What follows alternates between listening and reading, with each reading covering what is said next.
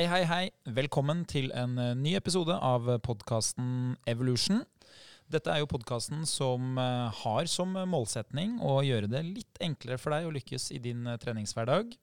Vi ønsker jo å gjøre treningskunnskap eh, enkelt. Vi ønsker å gjøre det tilgjengelig. Vi ønsker å eh, sørge for at det er noe du kan benytte når du møter utfordringer, eller når du planlegger treninga di. Og for å gjøre det på best mulig måte, så er det da ikke bare meg. Jeg heter Andreas. Mange av dere har hørt meg før. Eh, Noen hører meg kanskje for første gang. Men jeg har også med meg andre. Velkommen til deg, Sindre Antonsen. Jo, mange takk. Jeg vet ikke om jeg har så mye å bidra med, men jeg skal da uansett prøve. Ja, nei, vi får jo håpe det. Du er jo på en måte henta inn her som en fagperson, så eh, et lite bidrag får vi nok. Ja, de sier jo så, da. Så hender det at jeg skyter ut noen gullkorn i ny og ne. Så bra. Du, eh, til de som eventuelt er nye lyttere denne høsten. Ja. For når jeg ser ut av vinduet her, så er det jo virkelig høst. Det regner. Eh, og det som har vært eh, mest beskrivende for høstværet, det er at jeg har en vegg hjemme som jeg skal male. Og det er da såpass fuktig på kveldstid etter at sola går ned, så du kan liksom ikke, du kan ikke male på kveldstid, for da, da blir det vått nok i seg sjøl. Eh, selv. Eh, du kan ikke male på dagen, for da regner det. Eh, og i går så var det faktisk sånn at det var strålende sol, blå himmel, og det regna da òg, der jeg var. Eh, så hvis det er nye lyttere her, Sindre, hva, hva driver du med til vanlig? Hva, hva er egentlig eh, hva er jobben din? Ja, det er jo ikke å male vegger, i hvert fall. For det kan jeg si, hadde jeg gjort det for deg, så hadde det ikke blitt noe særlig fint. Eh, til det vanlige så jobber jeg som fagansvarlig for EVO. eh, I tillegg til at jeg jobber som personlig trener. Og det er jo egentlig der hovedbakgrunnen min er fra. Så jeg har jobbet som personlig trener nå i snart fem år. Eh, og så har jeg jobbet som fagansvarlig nå siden november. Og det er jo en del av mine oppgaver bl.a. å kvalitetssikre det vi snakker litt om på her. Finne temaer, sørge for at vi får fått fram treningsformidling på best mulig måte for dere som lytter. Vi ønsker at alle skal lykkes, og det er noe vi brenner for. Og Derfor prøver vi, som du nevner her innledningsvis, å gjøre det på enklest mulig måte. Ikke sant? Og så øh, har vi jo da som målsetning å være tilgjengelig, så vi gjør det jo Yes. da i muntlig form, som øh, man hører på nå. Vi gjør det i skriftlig form, så vi har jo et eget webmagasin som du kan finne på evo.no, hvor det ligger fagartikler skrevet av øh, fagfolk. øh, generelt personlige trenere i treningskjeden EVO, men også innslag av andre som har spesialkompetanse. Stemmer. Eh, I tillegg så eh, har vi jo da ulike videoer ute i sosiale medier, så det fins jo mange gode muligheter til å få kunnskap eh, hvis man har behov for det, og det har jo de aller fleste. Absolutt. Men det er jo ikke bare oss to uh, gutter her. Vi har jo også med oss eh, en veldig veldig dyktig kvinnelig PT. Velkommen til deg, Linnea. Takk, takk. Hello. Du eh, er jo også i gang med høsten. Hvordan ser eh, hverdagen ut? Er det mange ivrige mennesker ute på treningssenteret som vil i gang med treninga?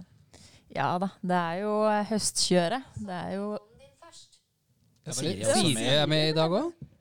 Ja, nei, det, jeg har sånn stadig, både på, på telefon og klokka, at Siri hopper inn. Jeg, jeg tror det er den siste oppdateringen som gjør at den står på. Men har du prøvd å spørre om Siri kan skru på? For det hender at jeg gjør når jeg har på headset og sånn Hei, Siri.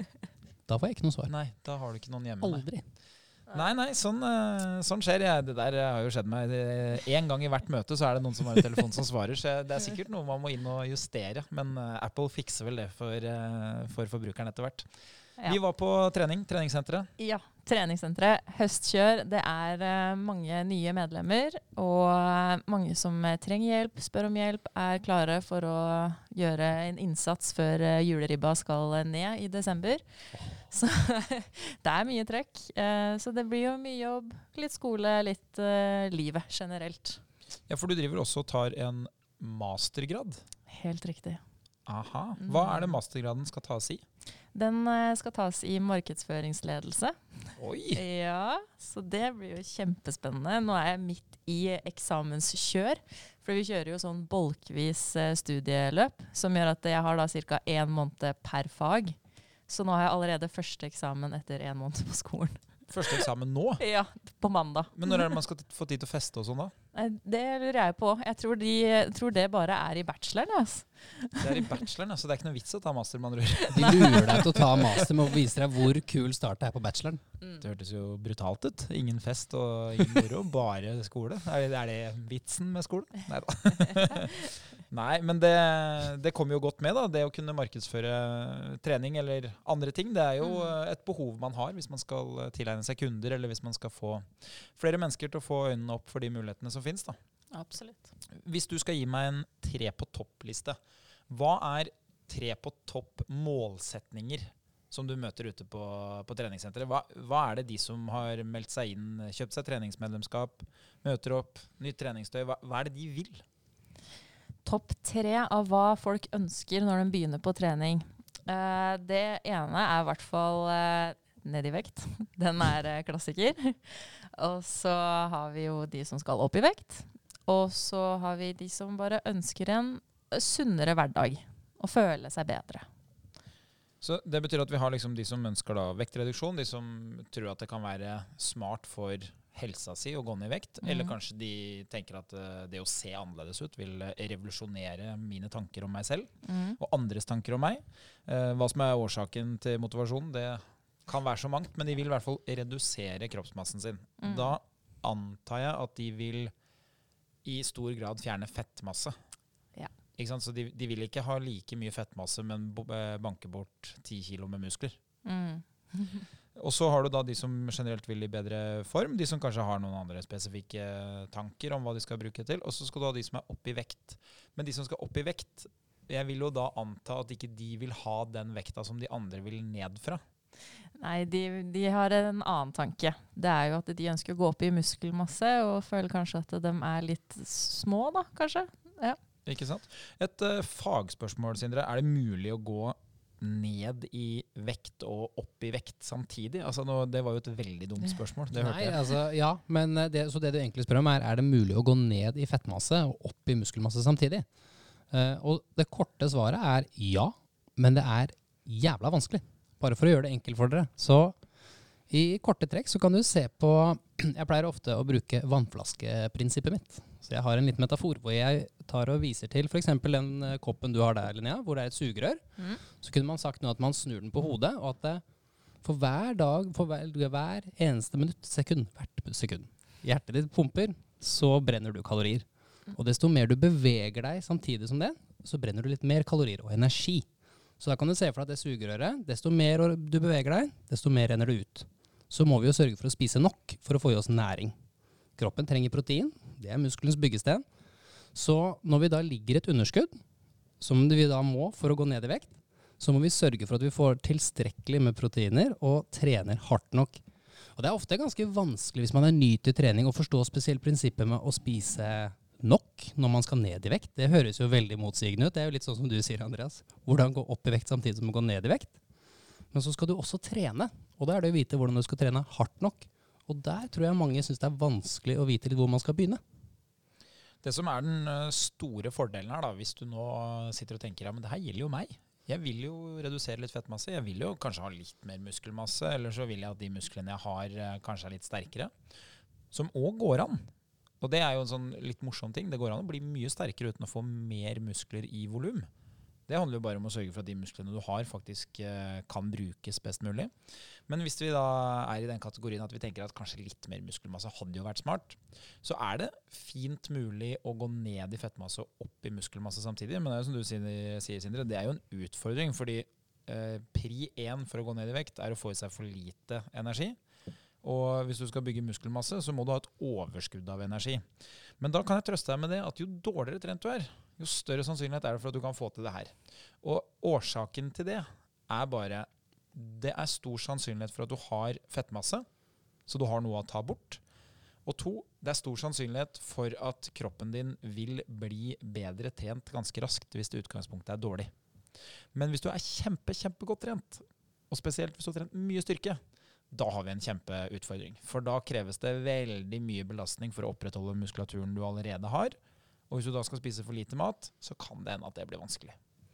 Og da får man sånne eh, situasjoner som de som driver med fitness, der man driver med det man kaller for bulking. Da spiser man masse mat, trener masse styrke, og så får man en eh, periode etterpå hvor man da skal gå ned i fettprosent for å få fram musklene. Eh, litt sånn flåsete sagt så sier man at man skal ta av seg kjeledressen. Og det kan jo være vanskelig. For da har du hatt masse overskudd, du har hatt eh, tilgjengelige proteiner, du har hatt tilgjengelig energi, og så er du liksom klar for eh, tunge styrkeøkter hele tida. Så plutselig får du altfor lite mat. Så de går jo ned i muskelmasse i den perioden. De aller flinkeste, eh, og det er jo veldig genetisk betinga, og de klarer kanskje å holde på muskelmassen sin. Men jeg tror jeg har til gode å høre at folk liksom spretter opp i muskelmasse når de spiser altfor lite mat. Veldig sjeldent. Man ser jo det ofte i en vektreduksjon. Det man bare må huske, er jo at det er jo stor andel av kroppen består av muskler, og så er det da mye fett som ligges over. Så når man går ned i vekt, så er det normalt å se at man i snitt mister flere prosent med muskler enn fett. Men det er bare mer å ta av i muskelmassen som gjør at man da ser at altså det blir egentlig 50-50 når man går ned. Og det å gå ned 50-50 i muskler og fett det er egentlig ganske bra. Og det er det mange som skimser av og tenker at faen, har ikke jeg gjort noen god nok, jeg har ikke trent hardt. Men det er som du sier, det er utrolig vanskelig å opprettholde masse kilo med muskler. Hvis du er en stor person og veier en god del kilo, så har du nok veldig mye muskelmasse, men den er nok ikke så sterk. Nei. Og, og grunnen til at kroppen har mye muskler hvis du er tung, det er jo bare fordi det er tungt å bære kroppen din. Ja. Men hvis du plutselig blir lett, så vil det jo være en veldig høy kostnad for kroppen å drive og bruke mye kalorier på å opprettholde muskulaturen.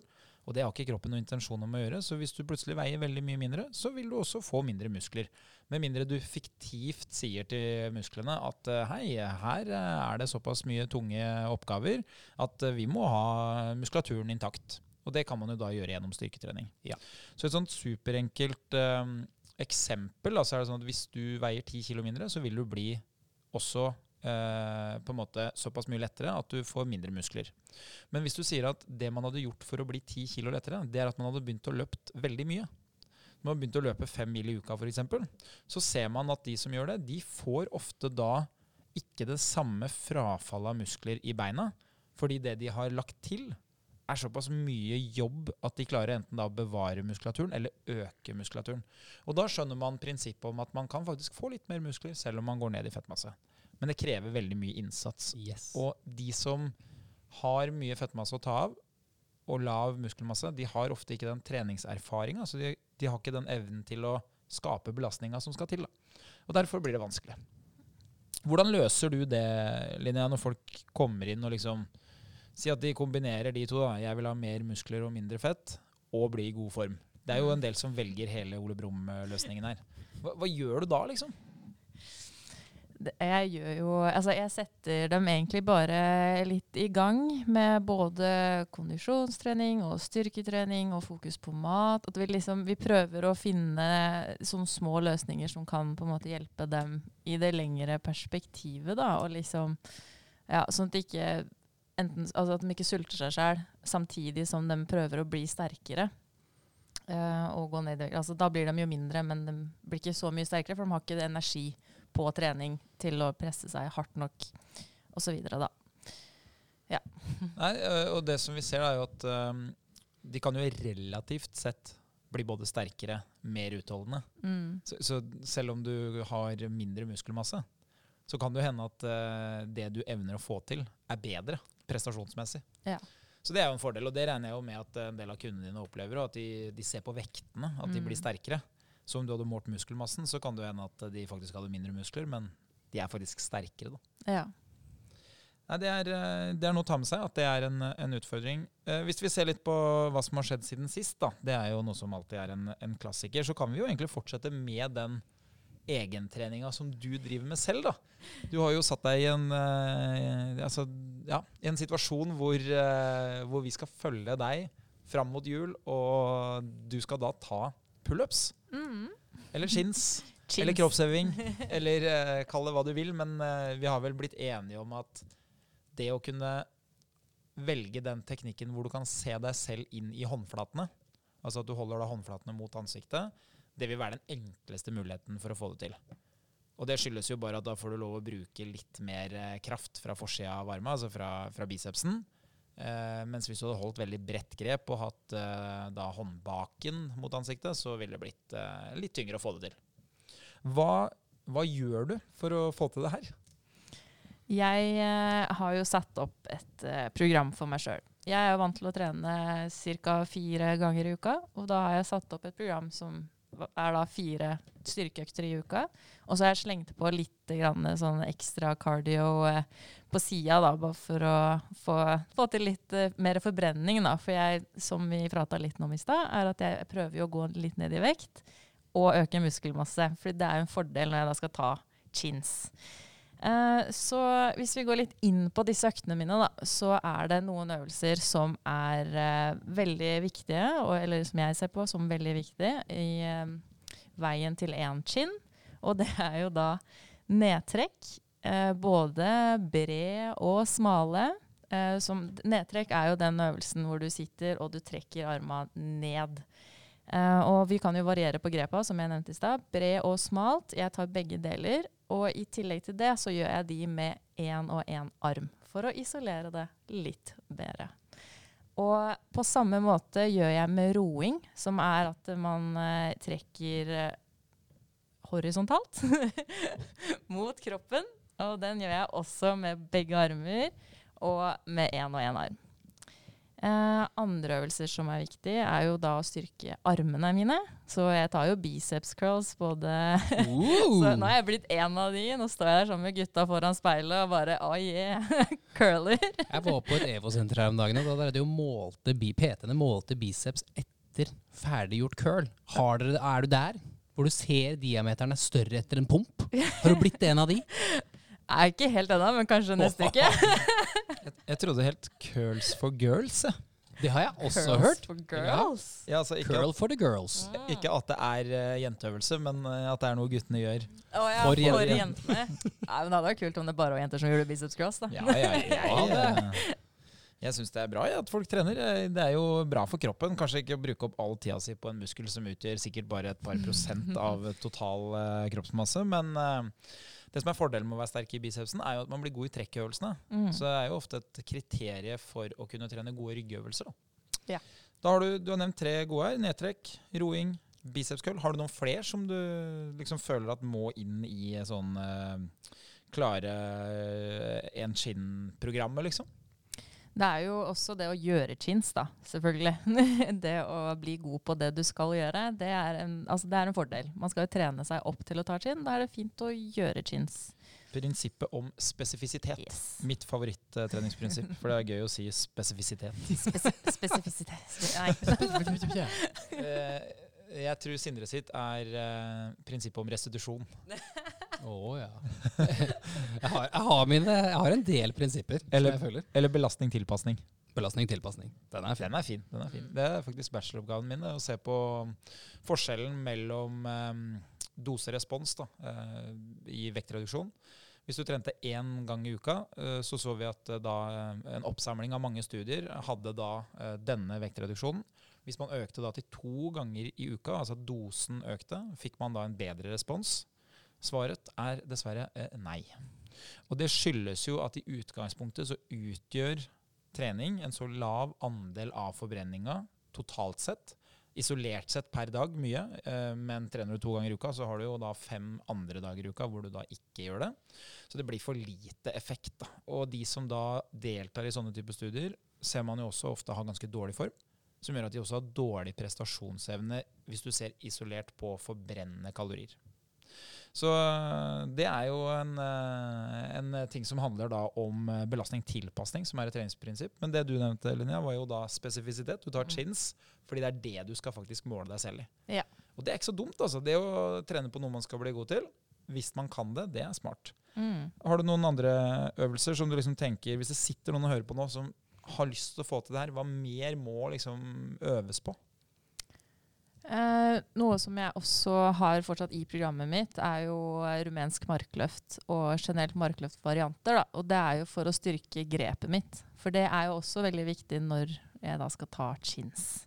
For jeg må jo være sterk nok i henda for å kunne løfte meg opp.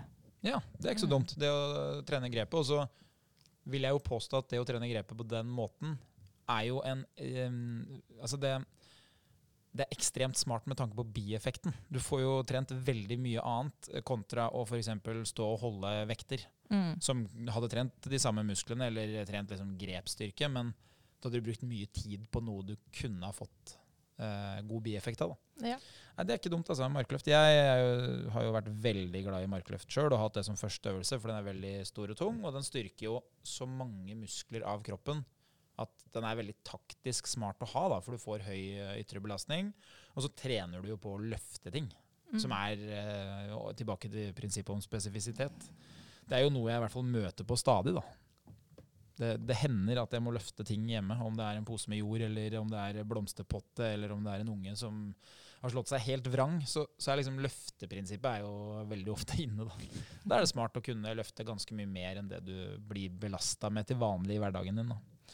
Eh, en ting som du ikke har nevnt, som jeg tenker sånn eh, veldig nerdete på at jeg kanskje ville hatt med, og det skyldes bare en sånn opplevelse som jeg selv har av og til når jeg eh, har satt opp treningsprogrammet mitt annerledes.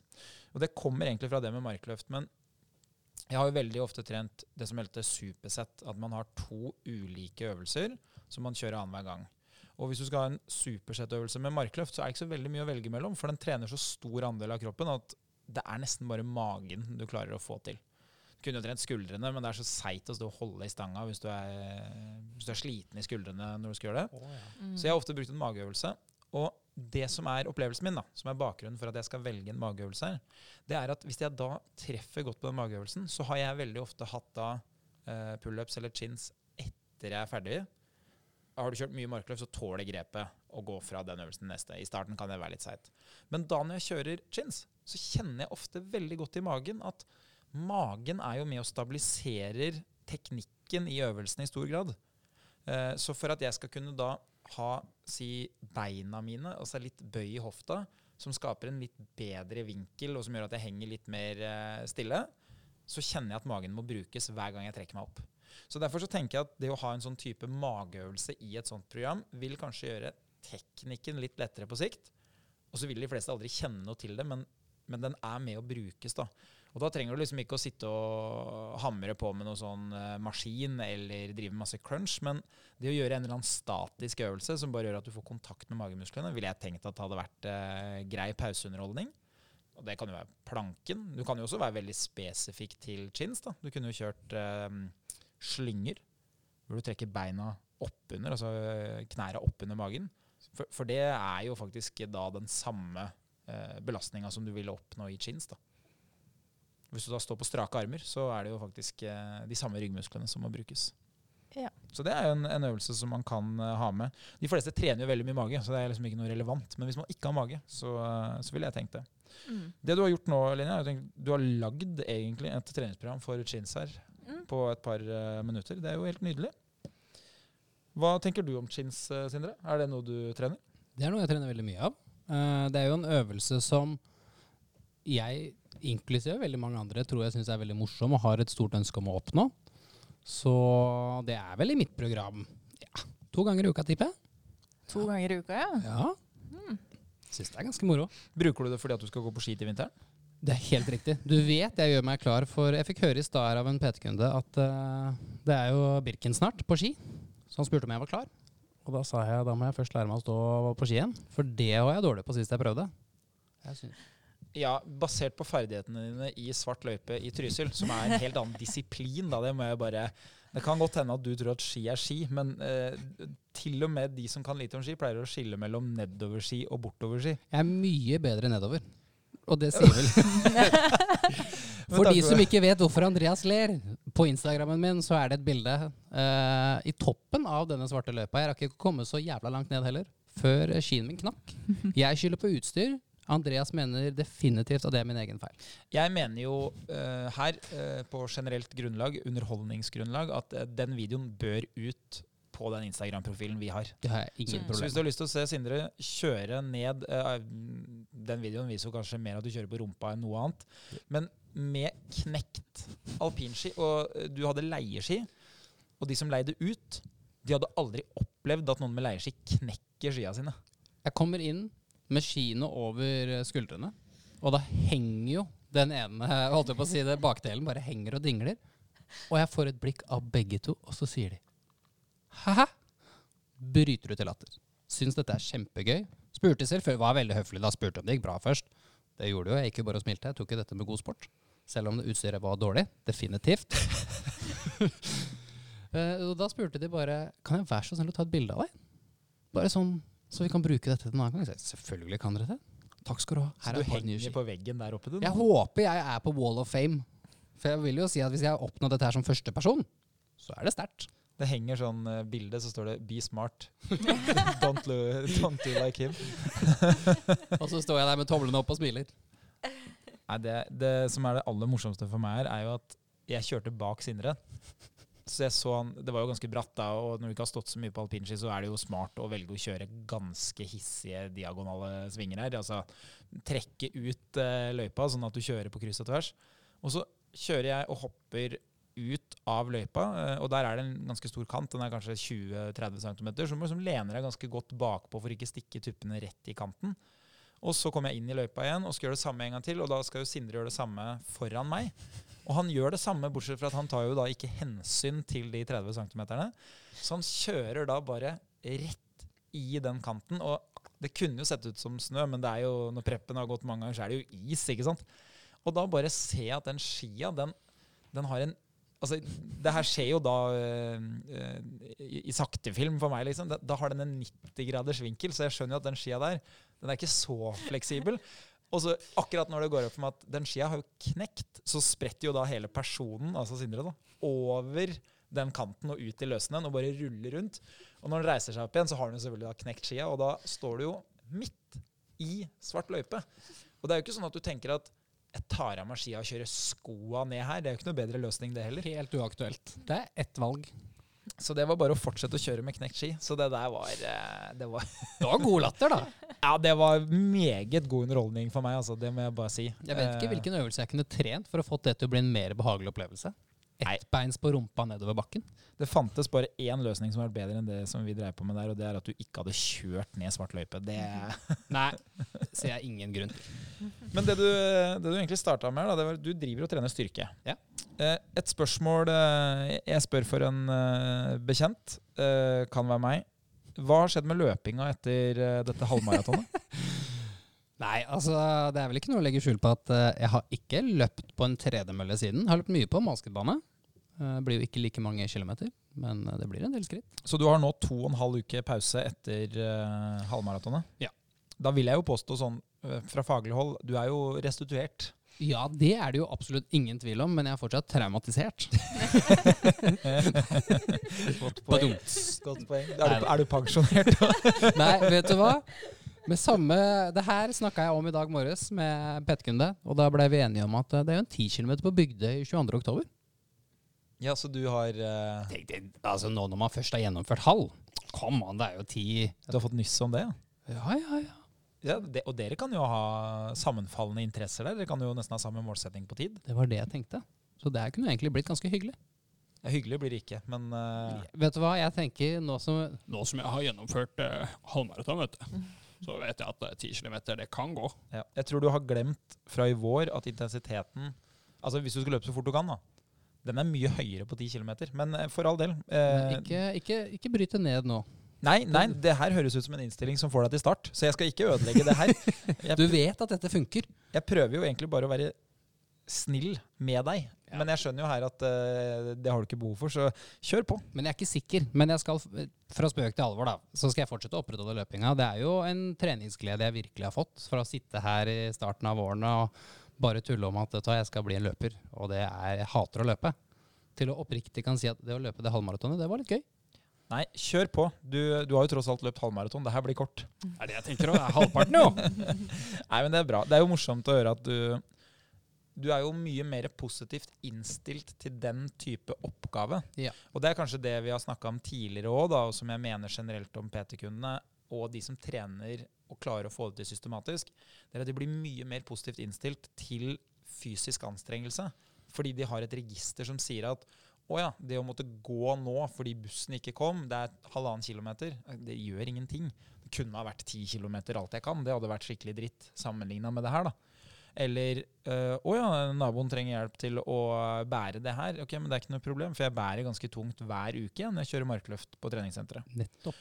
Så, og, og det som blir fordelen med det, er jo én Du får jo en berikelse i form av at du kan gjøre mer. du får jo lavere risiko, som er da nummer to, eh, ved at du ikke får slitasjeskaden av det. Og tre, bieffekten er jo ofte at du er mer fysisk aktiv.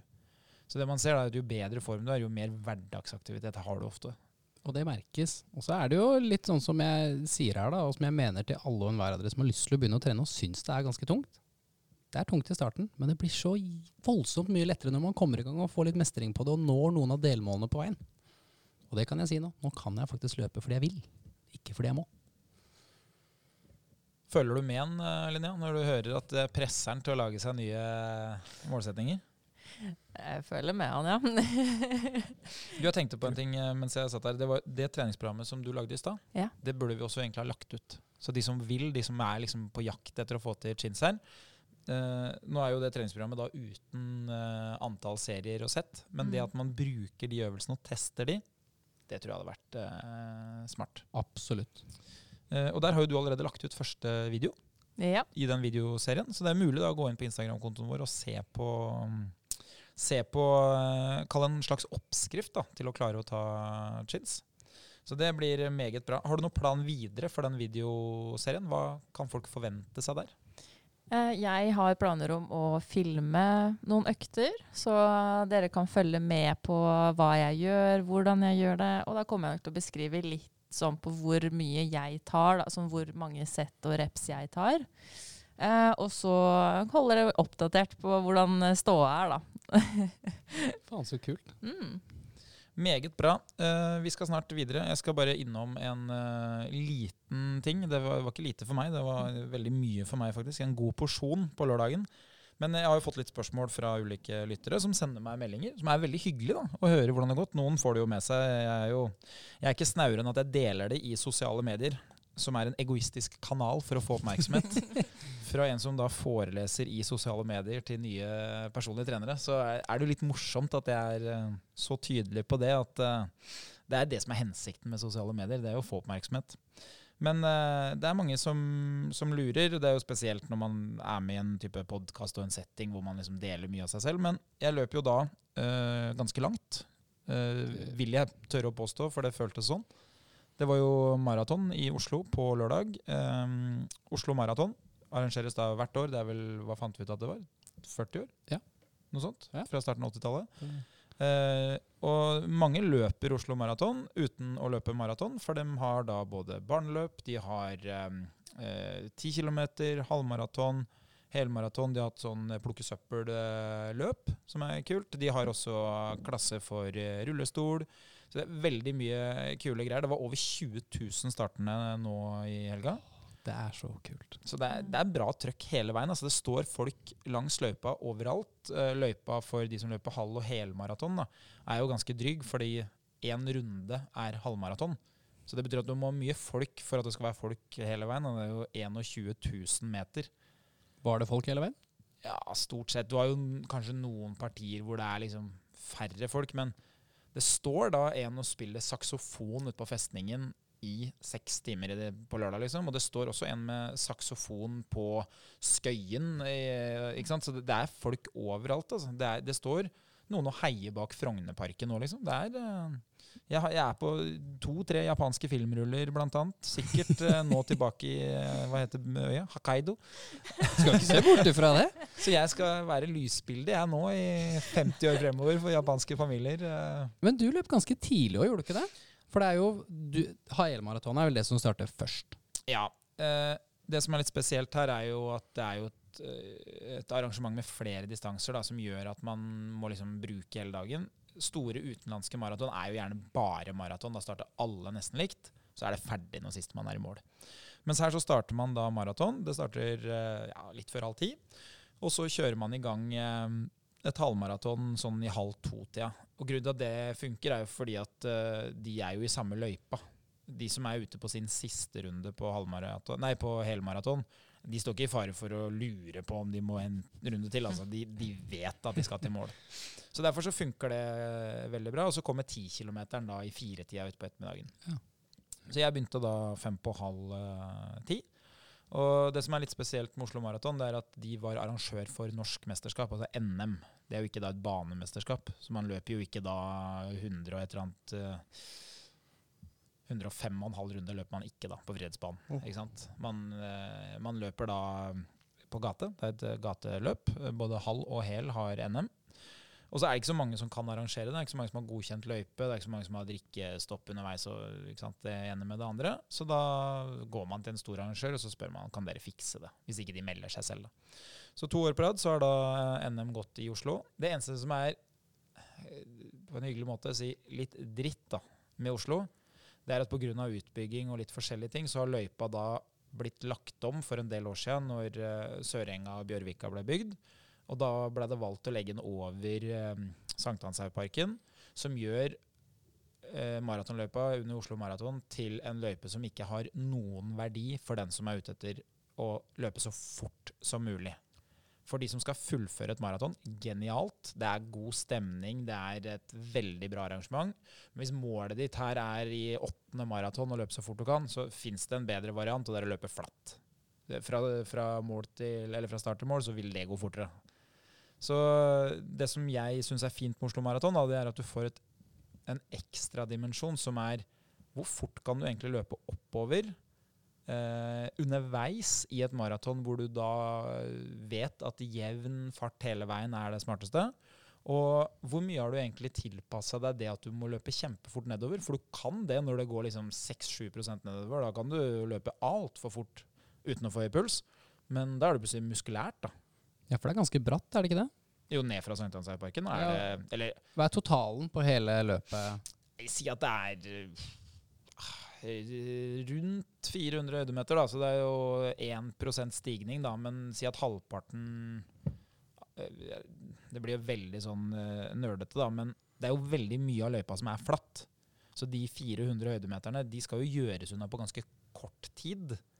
Såpass, ja. De skal da gjøres unna på vei opp til um, Frognerparken eller på vei opp til Sankthanshaugparken. Så det er jo 70 høydemeter fra du står inne i sentrum på havnivå til du står oppe på toppen, og det gjøres unna på 2,5 km. Men så da, gjør du det samme ned igjen, da, som er, og, og, og, det er problemet.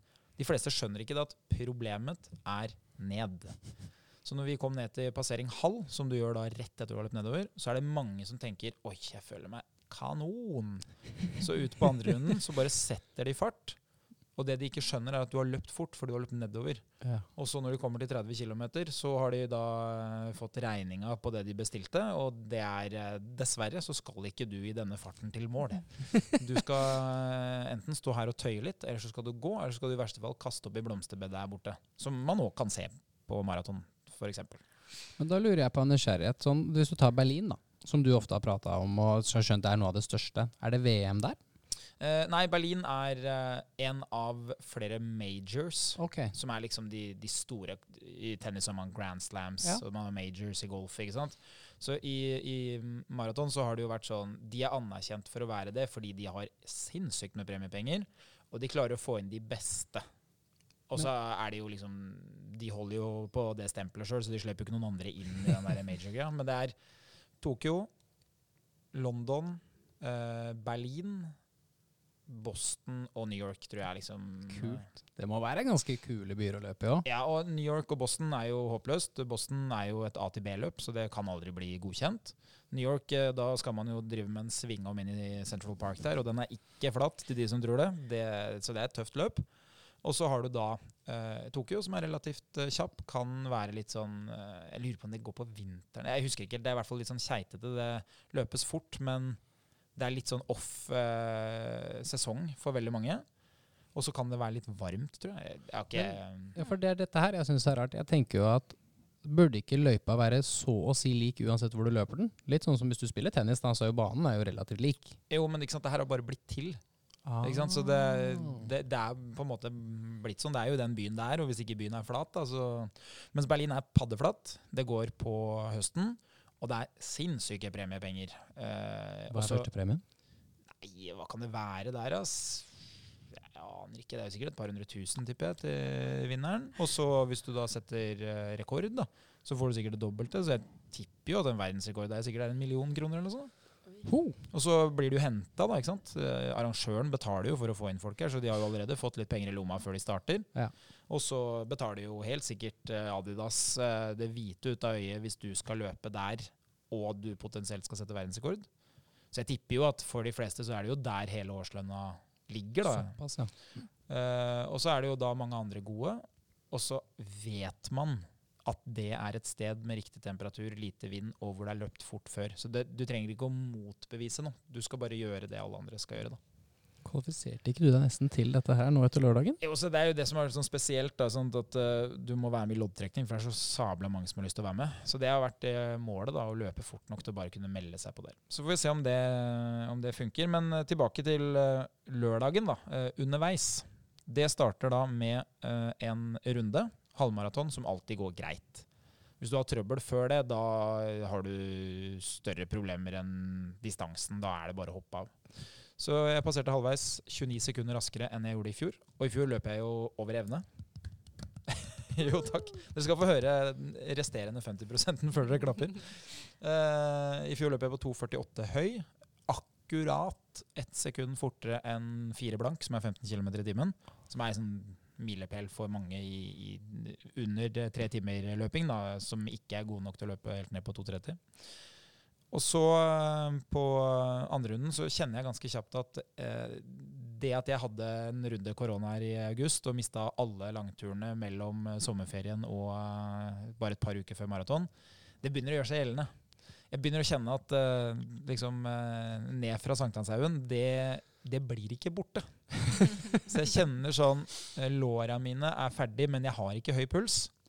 Og da blir det litt sånn Hva gjør jeg nå? Så jeg senker da farta, føler jeg sjøl. Jeg lar en del folk løpe fra meg. Og begynner å tenke sånn Kanskje ikke jeg kommer til mål, det kan jo hende at det bare blir verre og verre. Men så går det jo liksom en kilometer, det går to kilometer, og jeg, jeg gir jo bort fire-fem sekunder per kilometer, som er veldig lite. Men ganger du det med 21, så blir det plutselig flere minutter. Så jeg skjønner jo liksom at jeg er i ferd med å gi bort alt. Jeg har gitt bort de 29 sekundene ganske kjapt, da. Men så går det jo radig, og de som har løpt fra meg, de blir heller ikke borte. Sant? Da, hver gang det blir lange rettstrekker, så ser jeg jo de foran der som ligger sånn 100-200 meter foran. Og så de bak meg, de forsvinner jo òg, som er et tegn på at uh, Jeg har jo ikke stoppa helt opp, for da hadde jo folk bare tatt meg igjen. Og så kommer jeg meg rundt Frognerparken, da får du litt nedover. Og så er det en, det er en mental opptur å skifte 21 med 30. Det er noe annet når det begynner å stå tretall på skiltene, for da begynner du å skjønne at på et eller annet tidspunkt så tar det her slutt. På, på 22, 23, 24 så da er du fortsatt på at jeg har jo bare akkurat passert halvveis. Det her er jo Du klarer ikke helt å se for deg at du skal kopiere den første runden en gang til. Da. Men så kommer jeg meg ned til 30, og det går noe greit. Og jeg ser jo på klokka at det funker greit. Og jeg begynner plutselig å ta igjen noen av de som har løpt fra meg. Som jeg gjorde litt narr av i stad. Som følte at de var verdensmestere på vei ned, og som plutselig skjønte at det var nedoverbakken som gjorde det. Og kommer inn mot byen, og på 30 km så er jeg fortsatt på fire blank fart. da. Nå- viser jo trenden at det er ikke det jeg kommer til mål med, men det viser òg at jeg eh, Hvis jeg bare tar meg sammen og holder helt inn, så blir det helt decent, liksom. Og så tenkte jeg ok, men da jeg gjør et forsøk. eh, Og så er jo en ting som jeg har snakka om før i podkasten her, som jeg bruker og bevisst, og det er jo at er det liksom nå jeg skal begynne å bryte på tre mil? Er det, er det, er det nå, er det i dag det liksom skal skje? Sto jeg opp i dag tidlig og bestemte meg for å delta i bryte IL, liksom? tenkte jeg nei, jeg, jeg har jo sagt til meg sjøl at i verste fall så får jeg bare hoppe av nå, og så får jeg jogge til mål. Så får jeg si at hardøkta var 30 km, og så ble det rolig for å fullføre. Men så er jo korteste vei til mål bare å fortsette til det stuper, ikke sant. Og da kommer du jo inn i byen, eh, du løper over eh, Rådhusplassen, hvor da start og mål er. Så det er veldig mange mennesker der fordi de får se da flere passeringer. Og der har det jo da fra førsterunden til andrerunden blitt helt Tour de France-stemning. Ikke sant? Så på førsterunden så er det veldig få, for det er så tidlig på morgenen. Andrerunden så begynner folk å komme som skal se kanskje halvmaratondeltakere seinere på dagen. Og da får du jo en boost som tar deg ut på festningskaia. eh, og liksom ut mot eh, Vippa og sånn. Og da, da plutselig så står det liksom 34 på de skiltene, da. Og da er det inn i byen igjen, oppover bakkene, og egentlig så er det lettere da på det tidspunktet å løpe oppover, fordi der får du lov å løpe saktere. Du, der, der er det ikke noe vits å bruke kilometertidene, for de har ikke noe verdi. Og da, ja, er jo, folk er jo helt parkert. Da. Det begynner å ta igjen folk som går og sånn. Og det løper jo forbi eh, altså Det er flere som løper forbi meg òg, altså. Det, det er noen andre som er superspreke. Kommer opp på toppen. Og forskjellen fra i fjor til i år er jo at jeg har jo ikke noe mulighet til å gi gass. I fjor var jeg jo ordentlig Jeg var overraska over at jeg løp så bra. Jeg var jo på en måte i kall det angrepsposisjon nedover. da. Nå var jeg mer en pasient med stive bein. Og, så jeg tenkte ok, ruller jeg ned til mål i den farta her, så blir det helt greit. 2,50 ryker her nå, skjønner jeg, men det blir jo fortsatt en god tid. Og, ja. og så begynner jeg da å ta igjen folk. da. To som tøyer, og en som spyr, og en som bøyer, og to som går. Og, og plutselig begynner jeg å skjønne at liksom, det som jeg har gitt bort her, det får jeg jo igjen nå. ikke sant? Jeg, har jo plutselig tatt igjen alle de folka som jeg slapp forbi, og jeg plukker jo noen andre òg tenkte ok, men da beholder jeg til mål, da. Jeg, ser jo på videoer at jeg har ikke noe sluttspurt, selv om jeg føler jo at jeg løper alt jeg kan. Jeg så jo også på kilometertiden at jeg ikke hadde noe sluttspurt. men jeg kommer mål på 2.51,09. Eh, som er eh, en decent tid i Oslo. Det er jo en 58 minutt differanse da, på en sånn tøff løype mot andre steder. Så da er man nede på det jeg har lyst til å få til i en flatløype. Jeg har da tidlig på høsten en langtur som er lang nok til å kunne dra videre. Så hvis jeg da kommer meg videre fra det her nå, så kan jeg jo bruke det til å da løpe fort et eller annet sted. Og så Det som er veldig morsomt, da, det er når du løper i NM, så er det jo en egen liste. Det er bare nordmenn registrert i et idrettslag som får være på den eh, lista. Men det er jo ikke alle som melder seg på. Så jeg, jeg blir 54, tror jeg, totalt av alle startene. Det er jo fire jenter som løper fortere enn meg, som løper jækla fort. Og så er det noen utenlandske som ikke kan være med, og så er det en del som ikke har meldt seg på den lista. da. Uh, og da i Norgesmesterskapet så blir jeg jo da 22. Men det som er veldig morsomt, er at jeg blei 23 i fjor. I det sekundet jeg løper i mål, så er jeg nummer 23.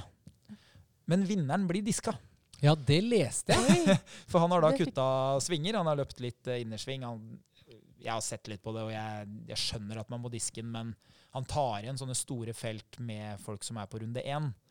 Som gjør at han kan liksom ikke løpe gjennom 100 stykker. Men eh, til hans forsvar så kjører jo da kameramotorsykkelen i motsatt kjørefelt, og det er veldig lett å løpe etter den. Men eh, han burde jo kanskje ha liksom vist tydelig at den eneste grunnen til at jeg løper i motsatt kjørefelt der, er for å snike meg forbi folk. Ikke løpe helt over til innersvingen på andre sida, men nok om det. Vedkommende sørger da for at jeg eh, blir bedre enn i fjor.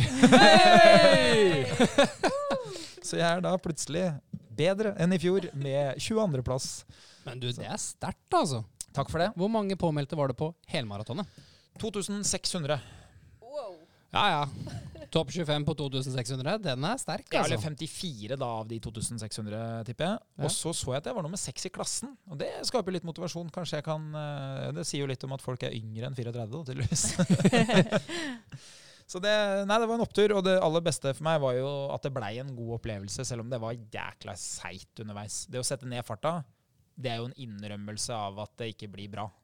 Det blei jo bra til slutt fordi at det viste seg å være helt riktig, men der og da så er jo ikke det noe vei til frelse, si. Men det er jo litt interessant at du sier det, fordi hvis vi tenker på du, vi alle tre da, har jo kunder som ofte kommer tilbake etter sommeren.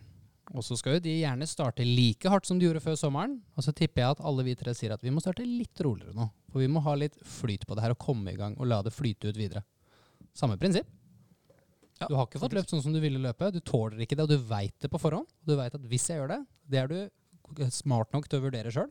Det er der kanskje våre kunder bommer litt noen ganger, hvor man over, tenker at nei, nei, jeg burde tåle det. Jeg må tåle det. Må ikke det. Nei, og det som jeg er aller aller mest fornøyd med her, da, er jo at jeg for en gangs skyld har fulgt tipsene jeg ville gitt til noen andre. Ikke sant? Sett ned farta underveis. Mot slutten. OK, det resultatet her vil aldri bli så bra at du tenker nå jeg tar eh, vinteren, liksom. Så istedenfor å da gå helt all out nedover de siste to-tre kilometerne og sørge for at belastninga går i taket, så bare holder du samme fart ned, nok til at du er fornøyd, men også smart nok til at restitusjonen kanskje er ti dager kortere. da. Så jeg er veldig godt fornøyd etterpå med at for en gangs skyld så er man ikke helt idiot underveis, som man ofte blir da når man er sliten og har startnummer. Vi skal videre vi, til eh, litt bedre tips enn en løpehistorie. Vi skal faktisk da snakke litt om eh, hva som kan være smart for at du skal få de beste resultatene. Om det fins en trygg måte å skape effektive resultater på.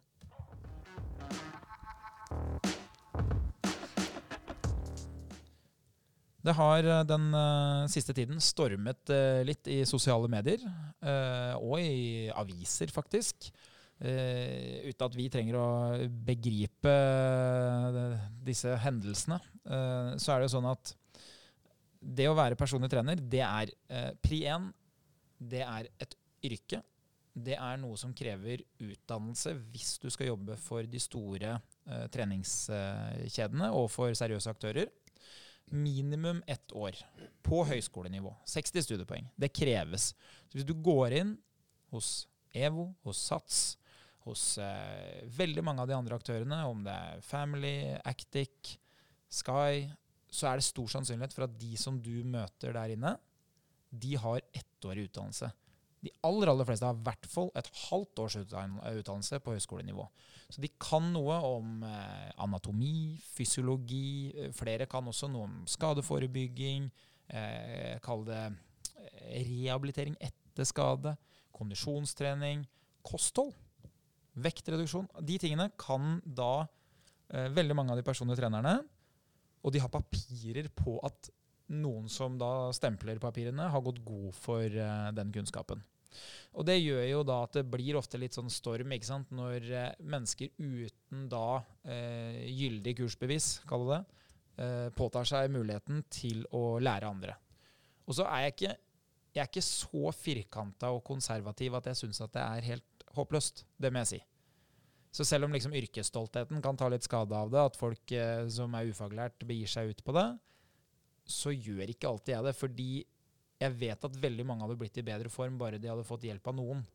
Så om det er naboen din som hjelper deg med trening, så tenker jeg at det er bedre enn ingen trening. Og, men idet man liksom krysser grensa og begynner å skal ta betalt av naboen, så tenker jeg jo at det bør ligge en, en form for sikkerhet i at det jeg eh, gjennomfører når jeg får betalt, som er da faktisk en definisjon for å være profesjonell, da, det bør jo være til stede. Og med det sagt så er liksom hva er det man kan forvente hvis man da betaler for trening? Og finnes det egentlig en eller annen form for god oppfølging, sikkerhet og trygghet i at du kan få gode resultater? Ja, det gjør det. Definitivt. Og det er personlig trening. Det er på en måte liksom A-standarden for hvordan du skal få et treningsopplegg tilpassa deg. Og så er det jo sånn at uh, veldig mange av de som ikke har personlig trener, de vet ikke 100% hva det er. De har ikke helt sett sitt eget behov, så de skjønner ikke helt vitsen med det. Har du Linnea, opplevd å møte mennesker som kanskje kan være avvisende og lite interessert i PT første gang du møter dem, og som er fornøyde kunder som kanskje er litt avhengig av produktet ditt etter en periode? Ja, absolutt. Det har jo det har jo vært mye sånn forskjellige programmer som man kan kjøpe ferdiglagd på nettet. Som eh, noen kanskje har noen erfaring med. Eh, og jeg har jo hatt eh, både venner og kunder som har stilt meg mye spørsmål da, om disse programmene. og liksom, Funker dette? Er dette bra? liksom? Og så, har de, uh, så sier jeg alltid til dem at altså, det gjør jo noe. altså Noe skjer jo med kroppen din. Men det som man kan få hos en PT, er jo at eh, jeg tilpasser jo treningen til deg. Og finner variasjoner og ting Altså tilpasser jo alle øvelsene og øktene til deg. Og jeg beregner riktig mengde trening du skal gjøre, osv. For det er ofte noe som dukker opp uh, gjentatte ganger på disse kjøpeprogrammene da, som er på internett. er at du har veldig mange øvelser, veldig mange repetisjoner. Og så er det veldig mange som bare varierer på altfor mange varianter, da, så du rekker aldri å bli god i en øvelse. Eller lære deg å forstå den øvelsen. Da. Det, ja.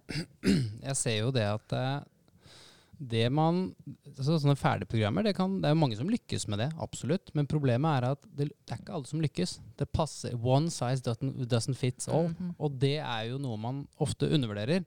Så jeg ser jo det at uh, bruken av en personlig trener det skaper trygghet. Det skaper jeg liker, si, jeg liker, å si, til de kundene som er litt usikre på produktet, og det er det jo veldig ofte. Det er litt sånn Nei, jeg trenger ikke PT. Ja. Passer ikke meg, jeg klarer dette selv. Så sier jeg det at vi alle er veldig flinke til å se hvor destinasjonen vår er. Vi vet akkurat hvor vi skal. Jeg skal ned ti kilo. Jeg skal klare ti kilo mer. Altså, jeg skal løpe en mil. Det er veldig mange som vet hvor de skal. Men litt sånn som når du typer inn adressen på Google Maps, så kan du velge mellom å sykle dit, du kan ta kollektivet ditt, du kan kjøre bil selv, og du kan ta tog. Da gjør jo vi den vurderingen fordi, og sier at basert på det grunnlaget du har nå, som vi har funnet sammen på og jobbet litt sammen, er at jeg anbefaler deg denne veien. For den vil du trolig lykkes bedre med. Og du vil ha en større sannsynlighet for å lykkes og trives i det løpet du gjør. Og hvis du ikke gjør det, så har vi mulighet til å kunne gjøre en endring og en tilpasning som vil gjøre at veien til mål kan bli litt hyggeligere. Ja, det er godt sagt, da. Eh, det som jeg har brukt som min strategi og metode i alle år da, når det gjelder å jobbe som personlig trener, og det med å tilegne seg kunder, eh, det er da litt forskjellige metoder. Ikke sant? Man kan jo være en god selger. Man kan jo være en kjent person. Eh, man har veldig mange ulike metoder man kan bruke. Det som er viktig for meg, det er jo at jeg på en logisk, fornuftig måte kan forklare deg hvorfor det beste valget er å velge en personlig trener. For da vet jeg at du kommer ikke til å våkne opp i morgen og tenke Hva var det egentlig jeg blei med på? Du, du, vet det, for det er du som har tatt valget. Du, du, husker fortsatt veldig godt hva som var for og imot. Hva som gjorde det til et godt valg. Og Det er viktig for meg når jeg tar valg, så derfor så føler jo jeg veldig sterkt på at det må jeg gjøre overfor andre. da. Og Det jeg kan si, da, det er at hvis du skal begynne å trene uh, mot en eller annen målsetning som du har, uavhengig av om du bruker PT eller ikke, så kommer du til å oppleve noen ting. Og Det første det er at du er nødt til å lage en plan. Du må ha et program. Fordi du må gjøre noe. Og det som jeg erfarer som tilstedeværende på et treningssenter, er at veldig mange de møter opp, og så tenker de at det var utfordringen, og så vet de ikke hva de skal gjøre. Og Da kombinerer man gjerne en form for usikkerhet når man først er der. Det er ikke sånn at man føler seg supertrygg og varm i trøya når man er inne på et treningssenter, eller når man er ute i joggeskoa for den saks skyld.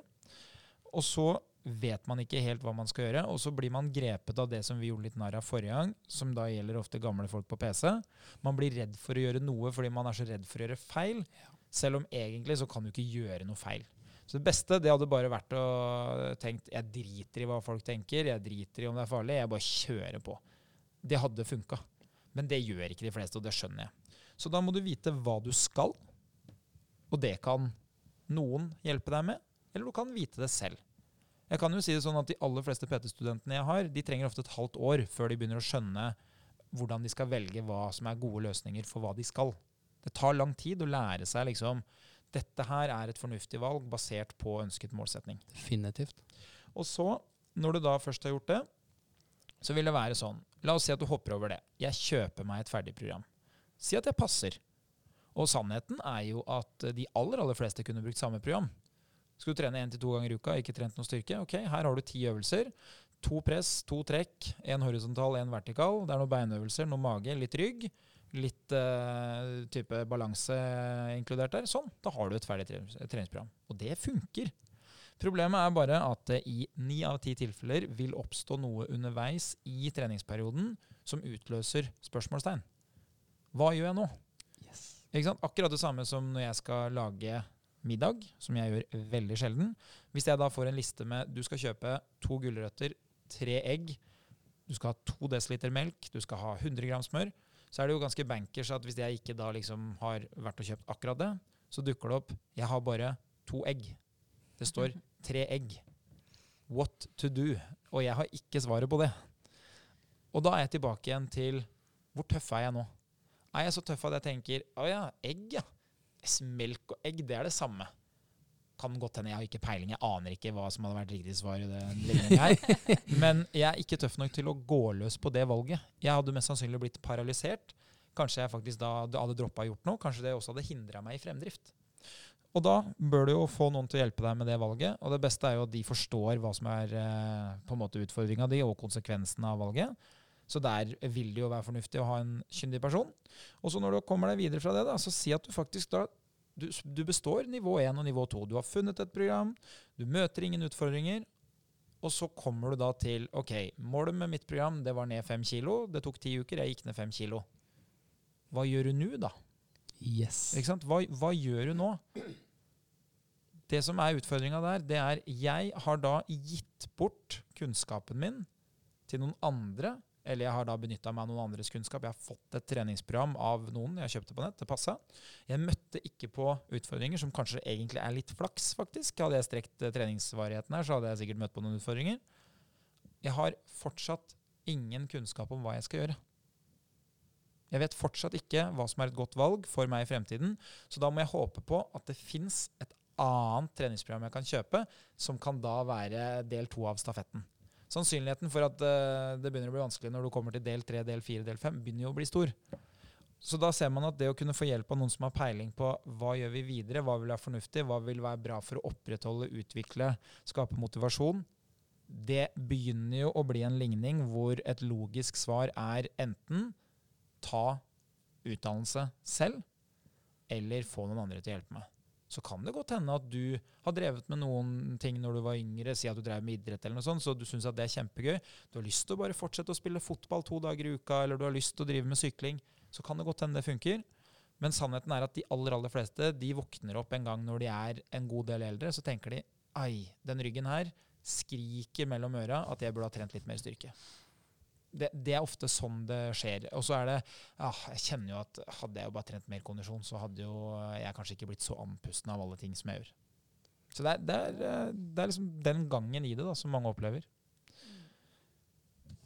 Vi vet jo da at det fins mange, mange, muligheter, og det fins mange fordeler. Hva, hva, er liksom Hva er det største du har opplevd, Sindre, i form av sånn Hvis du tenker på en kunde som har gått fra liksom ingenting til alt, da. Har du noe sånt uh, som du liksom tenker på når du sitter her? Så, når du stiller det spørsmålet, så kommer det veldig mange navn opp. Uh, og jeg skal jo ikke bruke navn, men jeg må jo velge meg en historie her.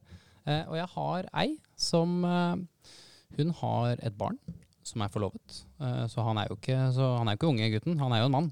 I Nittedalen kunne hun vært 30, da. Nei, det verste er at du er ikke langt unna. Men han og samboeren hans begynner å trene med meg. Og så forteller han da etter tre-fire måneder at mora mi hun trenger egentlig hjelp Jo. Kunne hun blitt med på en time en gang. Selvfølgelig kan hun bli med på en time. For det er jo hyggelig å få med familien. Og hun er en veldig sporty og ganske rå dame som snakker rett fra levra. Så selv om hun kom inn og sa at jeg har et par kilo ekstra, har litt vondt her, så er hun veldig bevisst. Hun vet akkurat hvor hun er, og det er jo litt kult. Så begynner vi å trene, og dette er jo da en periode hvor hun har litt vondt i hånden. Hun tar markløft med 25 kilo. Og nå, ett og et halvt år senere, så nevnte hun til meg i går, nei, på mandag faktisk, at nå har jeg ikke noe særlig vondt lenger. Jeg som hadde den prolapsen før, Sindre, så begynte jeg å le. Jeg varmer jo opp med 65 kilo i markløft og trener på over 100. Hun har løper, nå har lært seg å løpe en kilometer og fått treningsglede på løpinga. Så da kom han til meg på mandag og sa det at du, nå løper jeg 250 meter før trening, og så tenkte jeg kanskje å løpe 500 etter. Og så gjør jeg det en gang til. Da er jeg på 1500 på en uke. Da er jeg jo litt lenger. For hun har da sittet og lytta litt og tenkt at nå skal jeg bygge meg opp sakte, men sikkert. Så setter vi oss en plan. Men så forteller hun at hun som driver mye med friluft, fått en helt fantastisk glede. For nå blir hun ikke sliten når hun går i skauen med bikkja si. Hun orker å løpe, hun har en helt ny energi, og hun kjenner at hverdagen har aldri vært så lett som den er i dag. Og det er litt interessant når man er bikka over 50 og bare, føler seg yngre. Litt sånn Benjamin Button-effekt, på en måte. Og det er jo det alle drømmer om. Hverdagen er enkel. Det er ingenting i min hverdag som jeg bekymrer meg for. Som jeg er redd for å støte på. Jeg er sterk nok til å løfte det jeg trenger. Jeg er rask nok til å løpe hvis jeg må. Og jeg har kondisjon nok til å løpe hvis jeg må. Det er litt stilig er utrolig kult. Og spesielt uh, det med at uh, altså, Hun er jo også en, oppe i en alder som er liksom ofte Man tenker at uh, enten så gir jeg opp, eller så er det liksom Ja, for det er liksom mange som aksepterer at hverdagen er vond, at det er tungt, at det er liksom man graver seg ned i et høl, da, på en måte. Og jeg har blitt så gammel at jeg kan ikke mer, jeg. Ja, det er liksom, men nå er det ikke vits å prøve lenger, da. Nå er jeg liksom 50, snart 60, ja ja, får bare bli her jeg blir. Men sånn som hun har gjort, det er jo det er så inspirerende og så utrolig utrolig kult å høre om. Og så tenker jo sikkert alle at hun må jo ha trent sinnssykt mye. Og som en toppidrettsutøver. Langt ifra. Hun bare begynte med én gang i uka.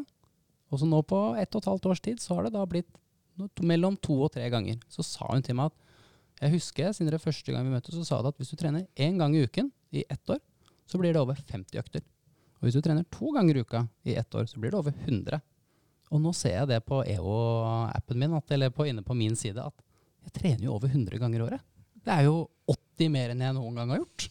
Det er jo helt uh, ekstremt. Det er jo, det er jo, lett å tro at hvis man driver med trening sjøl, sånn, så tenker man at det skulle bare mangle. Men jeg må jo si at for min del, som har levd mye med uh, andre menneskers trening, da, ja. så er det, det, er jo det der som er prestasjon.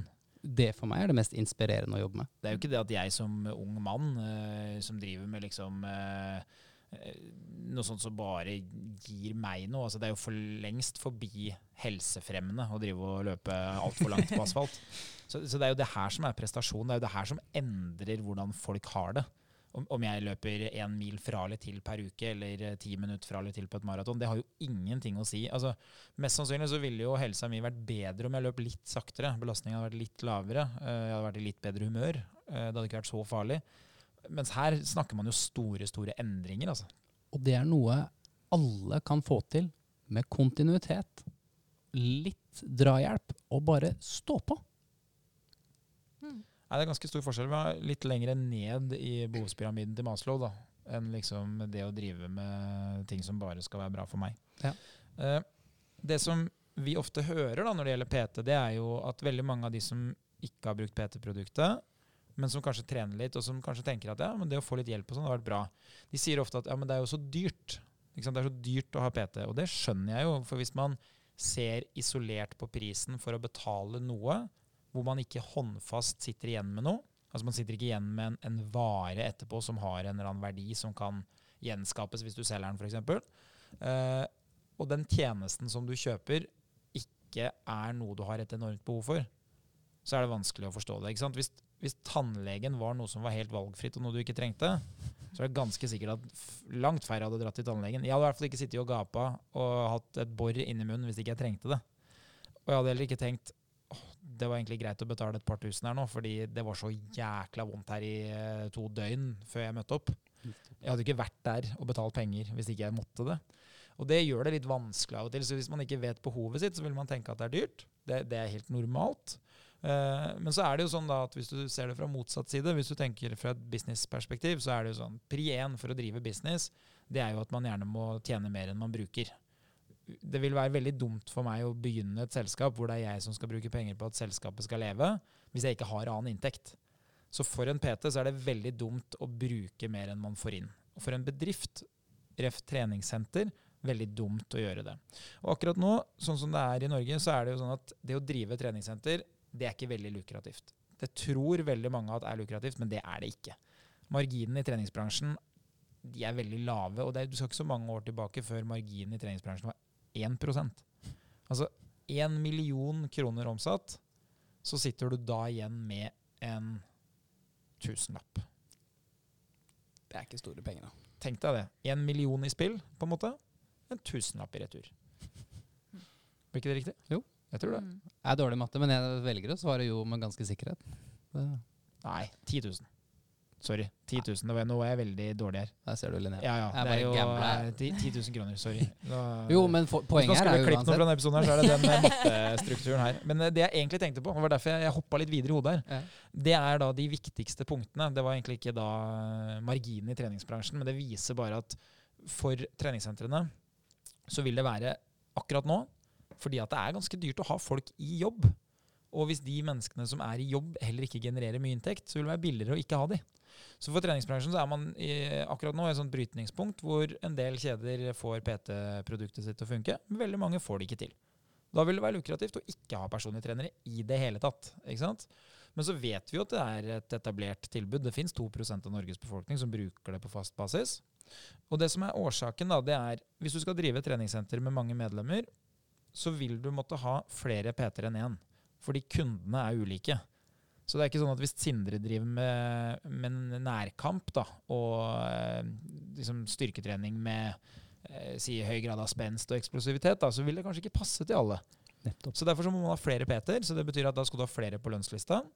I tillegg så er det jo sånn at hvis jeg vil trene klokka sju, og en annen vil trene klokka sju, så må det være to PT-er for å kunne møte oss. Ikke sant? For vi kan ikke møtes samtidig til de PT-timene. Og så er det sånn at De som da jobber som PT, de har ettårig utdannelse, så de har kunnskap. De er mennesker som faktisk er faglærte. Og hvis jeg ikke kan tilby de konkurransedyktig lønn, så gjør de noe annet. Så hvis jeg sier til de at du, det folk er villige til å betale her, det er ganske lite, faktisk, for de skjønner ikke helt hva du kan, da sier ikke de 'å ja, nei, men la meg vise de hva jeg kan'. Da, da velger de bare et annet yrke. Så uten noe særlig inntekt så ville de fleste dratt videre da. Og måten man ofte løser en sånn vanskelig situasjon på, det er jo da gjennom provisjon. Så da sier man at eh, den som på en måte tilbyr muligheten, vil ta bort risikoen, og så flytter man risikoen over på, da i dette tilfellet, PT-en. Så PT-en skaffer seg kundene selv. De tjener da de pengene som de eh, klarer å få tak i. En prosentandel for eksempel, av antallet timer de gjennomfører. Som gjør da at timeprisen må ha et visst nivå, for den skal da splittes mellom sentre, som da skal betale de som kjører lønn, de skal betale de som har HR, de skal betale litt leie for det området som PT-en er på. Så det blir sånn der sammensurium da, for å få det her til å gå opp, som gjør at PT-prisen må være på et minimumsnivå. Og da kunne det jo sikkert vært mange flere PT-kunder om det var 50 kroner timen. Men det ville vært så lav inntekt og så mange mennesker som måtte ha vært til stede for å få det til å gå opp, at man hadde tapt penger istedenfor å tjene penger. Absolutt. Så det er jo fra et sånt businessperspektiv at uh, PT-bransjen er der den er. Men hadde da 10% av Norges befolkning brukt PT, så hadde nok prisen kunne vært lavere. For da kunne folk hatt 40 timer i uka istedenfor 20 timer i uka. Så det, det, er litt sånn vanskelig hvordan det der foregår. Så jeg skjønner jo at prisen oppleves som høy, men den gjør ikke det blant de som har PT fast de opplever jo å få verdi for det. Det er ofte morsomt å ha hatt de kundene som var, møtte deg litt sånn tviholdig og skulle bare ha fem eller ti timer. For det trengte ikke mer. Og det kosta så mye. Og så opplever man jo verdien underveis i produktet og opplevelsen av treningen. Og ser de at ja, men dette her trenger jeg jo. Jeg mestrer jo faktisk trening nå for første gang. Og følelsen av å lykkes med fysisk aktivitet tror jeg ikke man kan sette en prislapp på. Altså. Og det den PT-en gjør for at du skal lykkes, det er ganske mange timer som står bak planlegging av en PT-time. Ja, og det, det, jeg tror, da, sånn satt på spissen, det er ikke at folk blir så kjent med deg og syns det er så kult å trene at det, det, plutselig er verdt å betale en tusenlapp Nei, per time. ikke det helt tatt. Jeg tror kanskje det som mest av alt skjer, da, det er jo at min kunnskap gjør at du blir litt smartere, og som gjør at du får enda større forståelse for at dette her, yes. det er viktig. Jeg tenker på trening som en type forsikring. En forsikring mot at jeg i fremtida ikke trenger å oppleve ubehag. Eh, akkurat som at man har reiseforsikring og man har helseforsikring og sånn. Det er jo ikke for i dag jeg betaler flerfoldige tusen. Det er, jo, det er jo ikke for alle dagene hvor ting funka bra. Det er jo for de dagene hvor det går att skogen. Ja. Og sånn tenker jeg jo på det med trening. Og jeg tror nok kanskje at det å bruke en PT gjør at veldig mange får en øyeåpner på at dette her burde jeg gjort tidligere. Og så er det litt sånn frykten for at hvis jeg ikke fortsetter med det her, så er jeg tilbake der jeg var med den kunnskapen om at jeg burde ikke vært der. Bra, det, sagt. det bra sagt. Ja, og det som er problemet, er at folk egentlig velger borte. De velger å ikke være i form. De velger heller å ta problemstillinga om 10 år, 20 år, 30 år frem i tid. Og det skjønner jeg jo, fordi det er jo ikke nå man tenker på det. Altså, Hvis du bruker forsikring igjen som eksempel, da. Alle norske biler registrert i Norge har ansvarsforsikring. Hvor mange tror man hadde hatt ansvarsforsikring hvis det var fritt valg.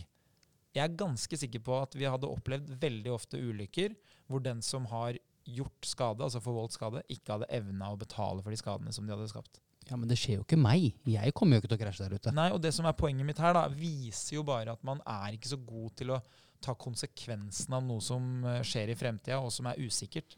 Som sikkert er fornuftig sånn evolusjonsmessig, og ikke gå og grue seg til det, liksom. Men Gjør deg selv en tjeneste. Sørg for å få godene av fysisk aktivitet i dag. Og sørg for å gjøre en investering for fremtida, fordi avkastningen er kjempehøy én gang i fremtida. Ja. Jeg tror det egentlig er nok om PT, trygghet og eh, effekt. I agree. Hva tenker du, Linnea? Jeg er helt enig. Hva er neste treningsøkt, Linnea? Neste treningsøkt det blir litt uh, chins og litt ellipse og litt armer og uh. litt bryst òg, da. Hvor langt går du på ellipsa da, når du kjører på? Jeg er ikke så flink til å se på hvor langt jeg har gått, da, men eh, det tar vel jeg bruker vel 20-30 minutter. Sånn ca. en The Office-episode bruker jeg. ja, det, sånne ting er kjempesmart. Ja, nei, det liker jeg godt. Jeg pleier jo å se fotball noen ganger. Ja. 45 eller to ganger 45. uh, er det oppvarming til styrkeøkta di, eller gjør du det etterpå? Jeg gjør det etterpå. Ja, ja. du driver sånn kardiotrening. Du passer på så ikke man er sliten når man skal trene styrke, og så uh, bare bruker du noen kalorier etterpå. Helt riktig. Begynt å trene biceps og holde på på ellipsen etter trening. òg. hva er det neste? Motbakke på mølla? Å, herregud, ja. det viser jo bare at med kunnskap så kan man ta sånne valg. Ja. Det første spørsmålet de fleste ville tenkt da, er eh, er det best å eh, trene kondisjon først eller til slutt. Og det handler jo om målet, ikke sant? så da kan du ta gode valg hvis du har kunnskap. Nok om det. Nok om oss. Nok herfra. Vi eh, takker alle som har blitt med helt hit. Takk for at du hører på. Hvis du har noen spørsmål, vær så snill, ta kontakt. Send det inn til vår eh, eh, Instagram-konto, eller send det til oss personlig. Vi eh, kommer tilbake vi om en uke med en ny episode. Inntil videre, lykke til med treninga.